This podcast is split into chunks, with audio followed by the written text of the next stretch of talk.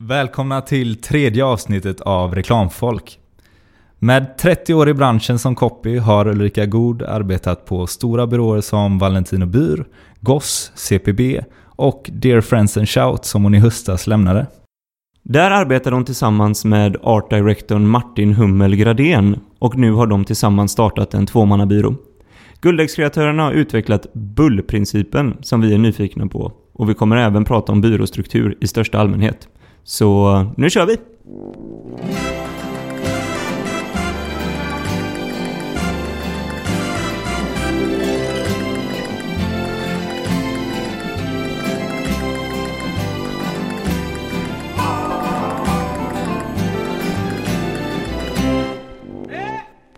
som heter Martin och Ulrika för att vi vill på något sätt poängtera att det är vi två individer. Vi vill inte låta som att vi är något större Nej. än så. Utan det är, det är vi, vi två individer och vad vi kan som man köper.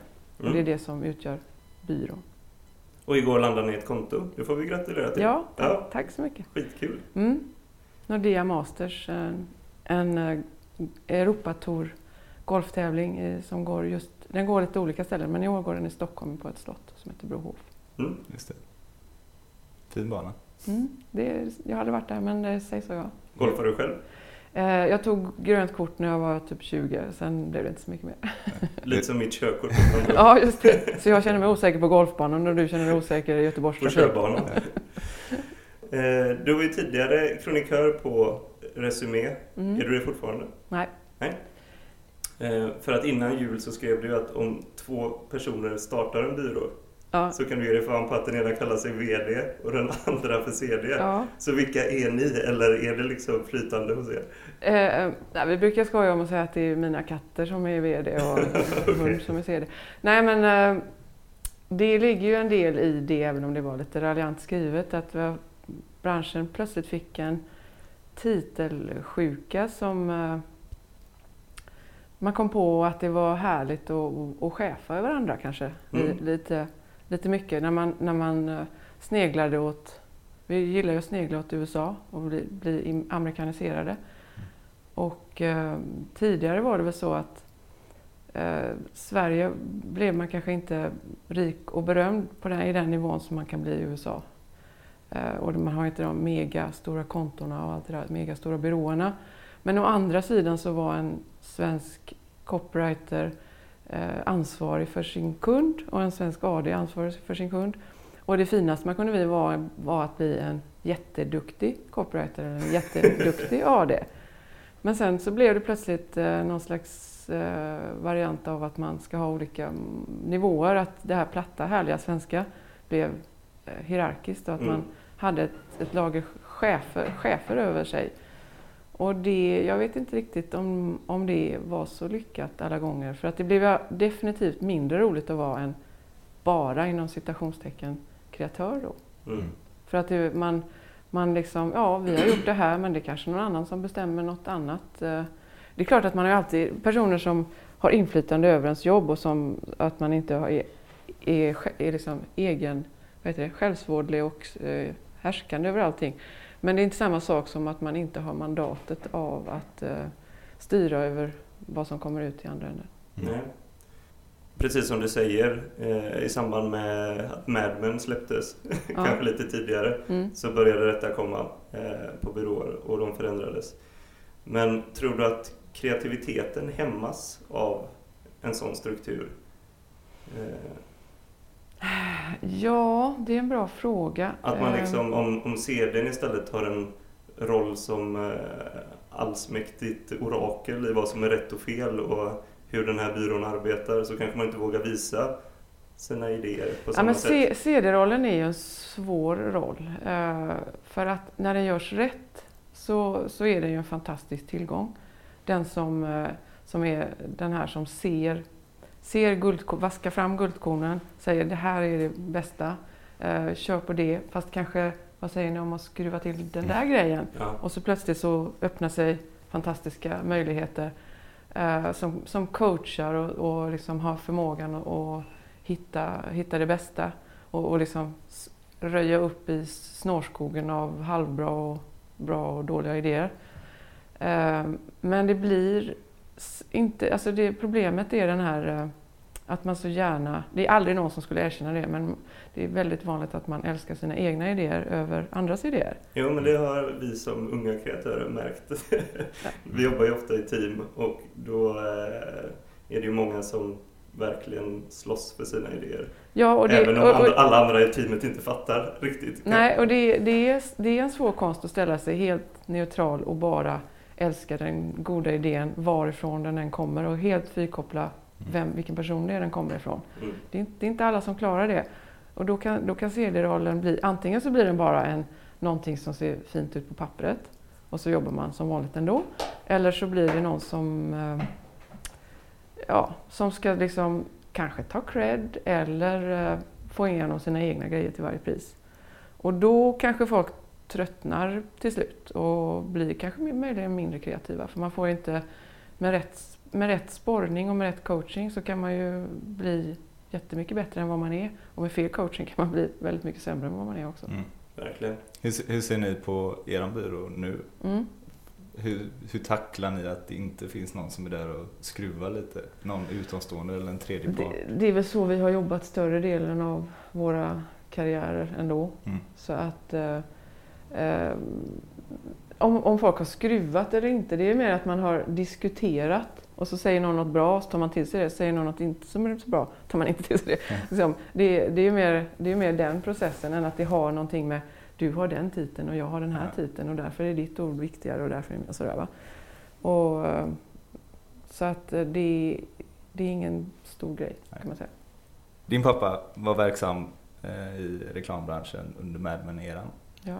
Och eh, du startade väl någonstans efter det? ja, precis. Och sen kom hela den här digitaliseringen och sociala medier och du är ju jätteduktig och aktiv där nu. Mm. Hur började du med det och när, när liksom insåg du att det var en, en smart väg att gå? Jag fick ett fantastiskt eh, bananskal väldigt tidigt. Det var första gången jag var med i, i Can Lions-juryn. Mm.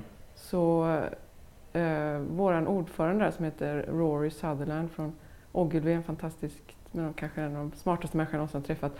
Eh, han eh, tyckte att alla i gruppen, alla som var med i hans eh, jury skulle vara med på Twitter. Mm. Och detta var i maj 2007. Okej. Och jag fattar ingenting. Vad är det här? Varför? Vem skriver jag det här för? Twitter. Vem skriver jag det här för och varför? Liksom. Ja. Men då, då, då reggade jag ett konto och sen när vi var klara med, med eh, juryarbetet så gjorde vi en Facebookgrupp och Facebook också. Vad är Facebook? Jaha, ja, det var ju kul. Där kan man dela bilder och sådär. Mm. Eh, Så att jag kom med väldigt tidigt och eh, ja, det var faktiskt i samband med samma juryuppdrag så, så startade jag en blogg för jag tänkte jag, jag kan ju skriva till dem hemma på byrån. Jag behöver inte mejla, jag kan ju liksom uppdatera lite där och, Precis.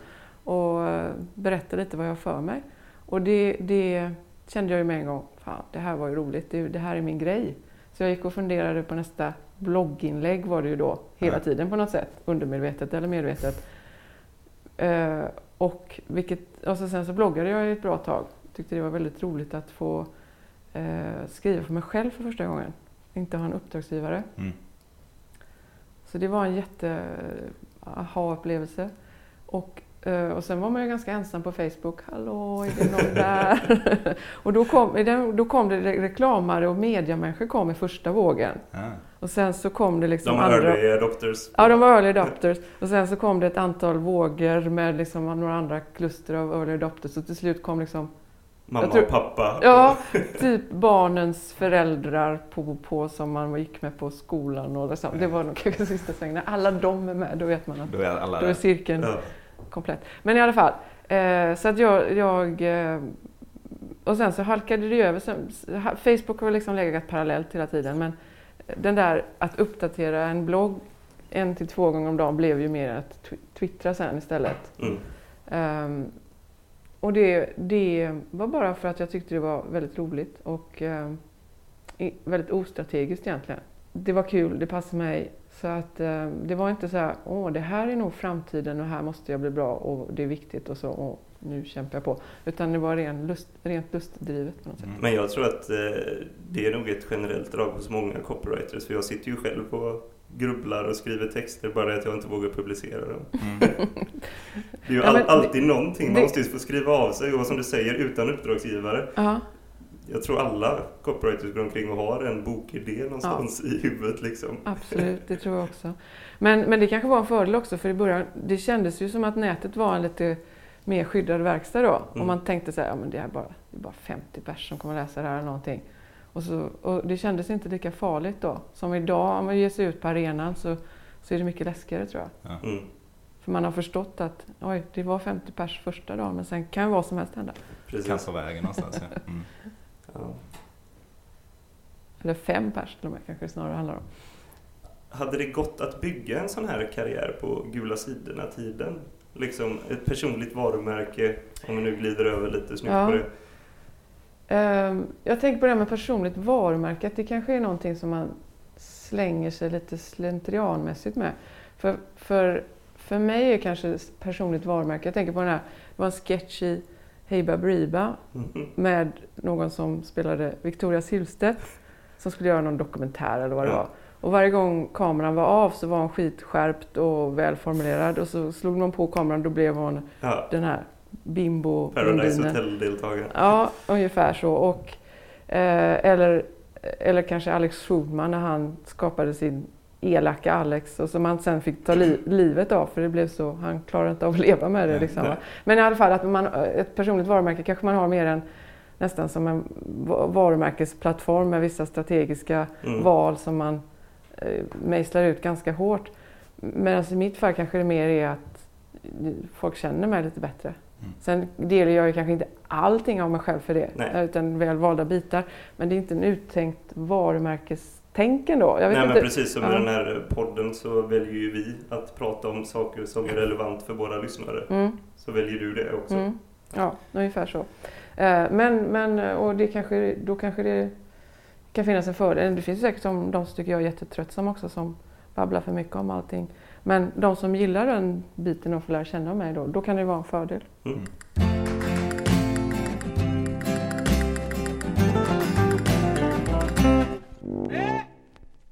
I förra veckan så utsågs ju årets byrå Ja, och eh, Johanna Lindskog Lindell på Resumé eh, anmärkte på den svaga digitala närvaron. mm, Det var en tredjedel av byråerna som var där som ens gjorde någon form av tweet eller eh, mm, notis om Mm. att de var där. mm.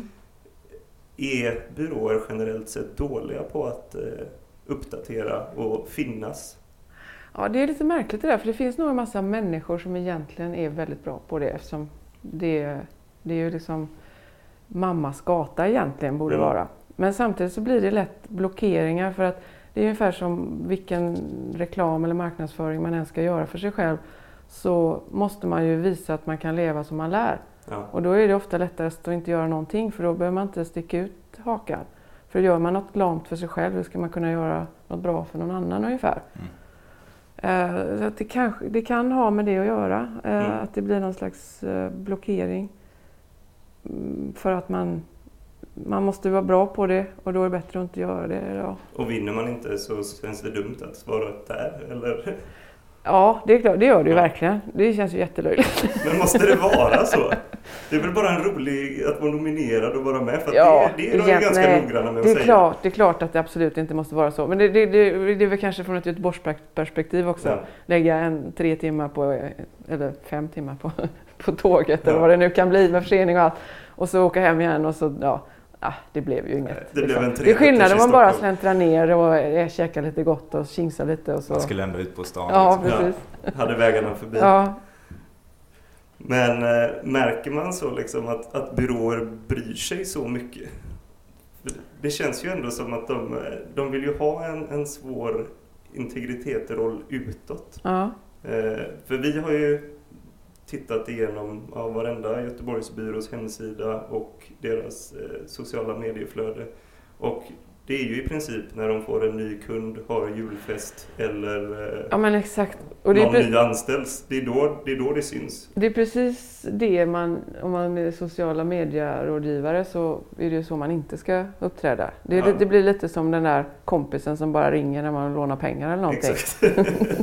Man blir ju absolut inte intressant att följa om man bara säger Titta nu var vi bra och sen är man tyst Ja. resten av tiden.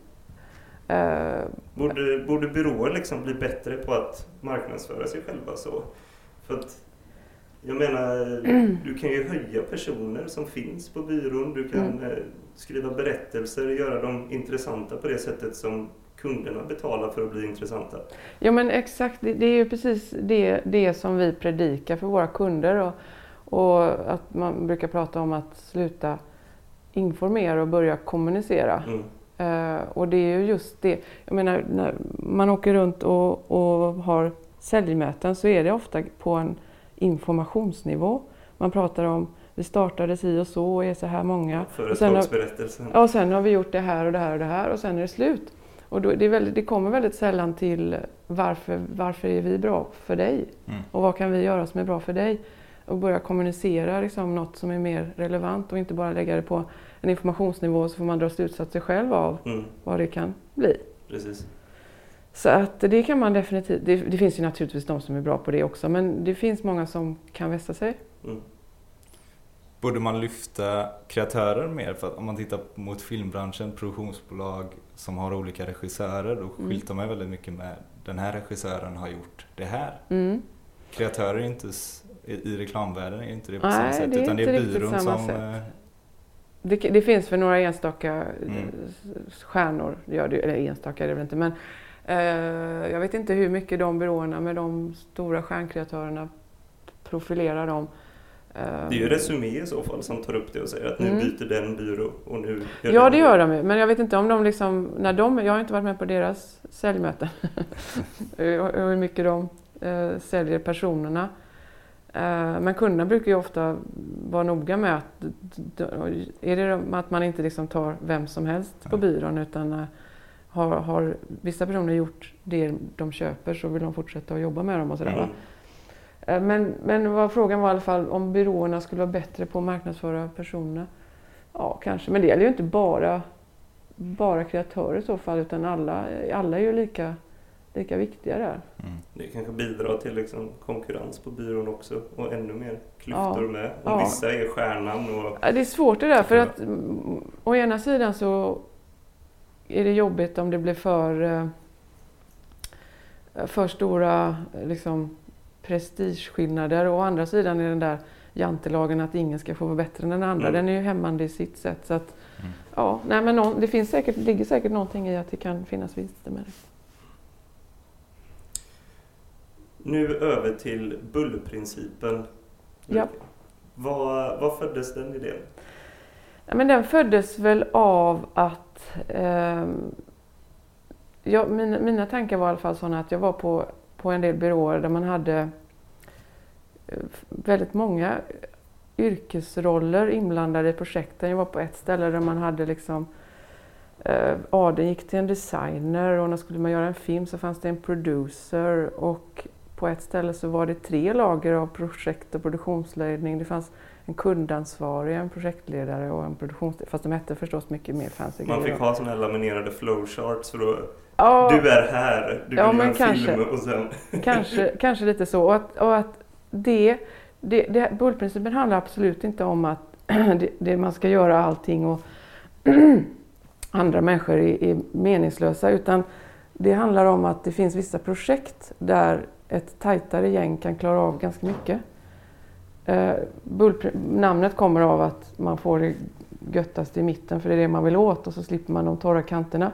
För ibland handlar det ärligt talat om torra kanter.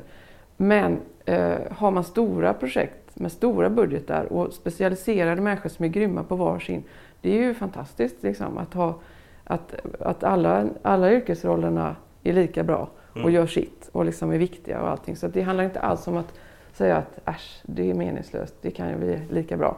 För det, men det är bara det att när man har jobbat så länge som, som jag har gjort och eh, Martin har också jobbat bra länge så kanske man spänner över en ganska stor yta. Mm.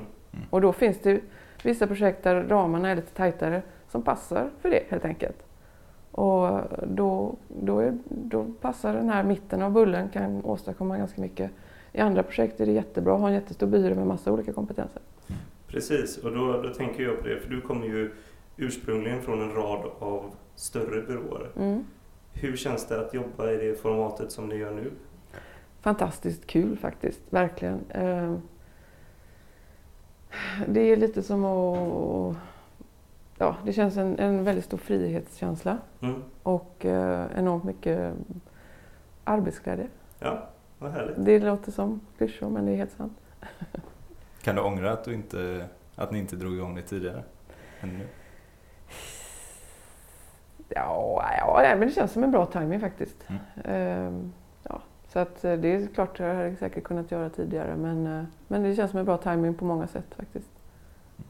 Kan du se några nackdelar med det lilla formatet? Du var inne tidigare på att eh, vissa uppdrag kan en större byrå göra bättre. Klart Mm. när de har produktionsavdelning och Mm. allting inhouse. Mm. Är det någonting som du känner begränsar er eller kan ni liksom lägga ut det på andra kanske i så fall? Ja, men det, det är klart att vi kan ta, lösa eh, grejer. Om det skulle bli för mycket för oss så får vi ju se oss om efter samarbeten med andra. Mm. Eh, och jättestora, tunga eh, saker gör sig bättre någon annanstans.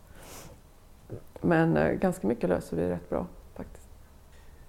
Det känns som att de flesta byråer eh, startar med liksom två kreativa eldsjälar. Men när de växer så börjar de ju involvera fler människor. Ni heter ju era två namn. Ser ni någon expansionsplan eller vill ni hålla det på den här nivån och se hur det, hur det funkar ett tag? Vi vill hålla det på den här nivån och se hur det funkar. Ja. Sen vart det tar vägen, det har vi ingen aning om. Men det finns inte en uttalad expansionsplan, det gör det inte. I din senaste krönika på Resumé så romantiserade du lite kring det gamla reklamsverige. Mm. Som sa att det var lite en glassig bubbla av flärd. Ja, eh, jag vet inte. Det var inte så mycket romantiserande för det var faktiskt väldigt stor skillnad. Mm. Rent faktum, faktamässigt var det. ehm, jag började ju redan mitten på 80-talet och ehm, då, då var det, alltså ni, vissa grejer tror man ju inte är sant. Man hade liksom eh, tjänstebilar med fri bensin. Det var jättemycket påkostade fester. Man hade alltid free Sådär Wolf of Wall Street. Nej, inte Wolf of Wall Street-nivå. Kokain Men om du, om du skalar ner Wolf of Wall Street tio gånger. Ja. Eh, så ja, men det fanns mycket mer pengar i branschen. Man, lönerna har inte hänt jättemycket sedan i alla fall början 90-talet. Nej. Prisbilden på timpriset har inte hänt mycket på 20 år, snarast tvärtom. Mm. Eh, och eh, så att, ja men det är bara att tänka, och, och liksom det här fringisar hade man, liksom ett antal göttiga grejer man kunde göra varje månad. Vad innebär det? Eh, ja men det kunde vara typ eh, prenumerationer, gå ut och äta, eh, ja lite halv, eh, halv off the record grejer som, som inte syntes på lönen, som inte var beskattningsbara. Ja. Och, ja, men det var mycket mer, grej, mycket mer grejer som, var, som rymdes inom vad, man, vad som var okej på något sätt att lägga pengar på. Ja. Och byråerna spenderade pengar också. Ja, de spenderade pengar och, och, och eftertraktade kreatörer betalades jättehöga löner. Det finns, det finns väl en, en liten klick sån del kvar i, i Stockholm men även många stora Stockholmsbyråer har det jättetajt idag. Ja, men det kommer ju ner till kronor och ören på Ja. slutet ändå. Ja. Liksom. Vi eh, har ett avslutningssegment här i podcasten där vi ber gästen hos oss ge oss tips inför framtiden. Vi är ju studenter och hoppas snart vara ute i verkligheten. Så vad, vad har du för råd till oss? Ja, ett tips som jag hade velat ha eh, när jag började var att, eh, att vara kreativ handlar väldigt mycket om att lösa problem. Och har man inte ett bra formulerat problem så är man väldigt okreativ.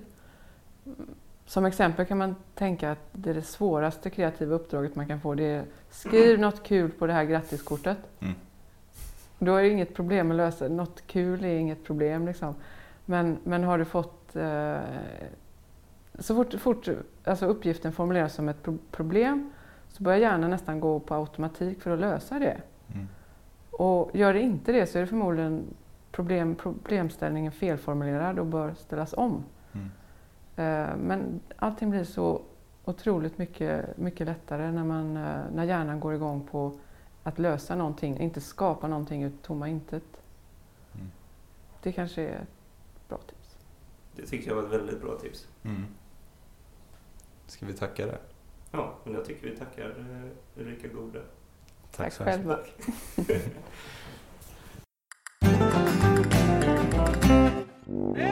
Glöm inte att lyssna vidare på de andra avsnitten under Reklamfolk på iTunes. Och som vanligt ett stort tack till Stendals för lån av studio och utrustning. Vi hörs!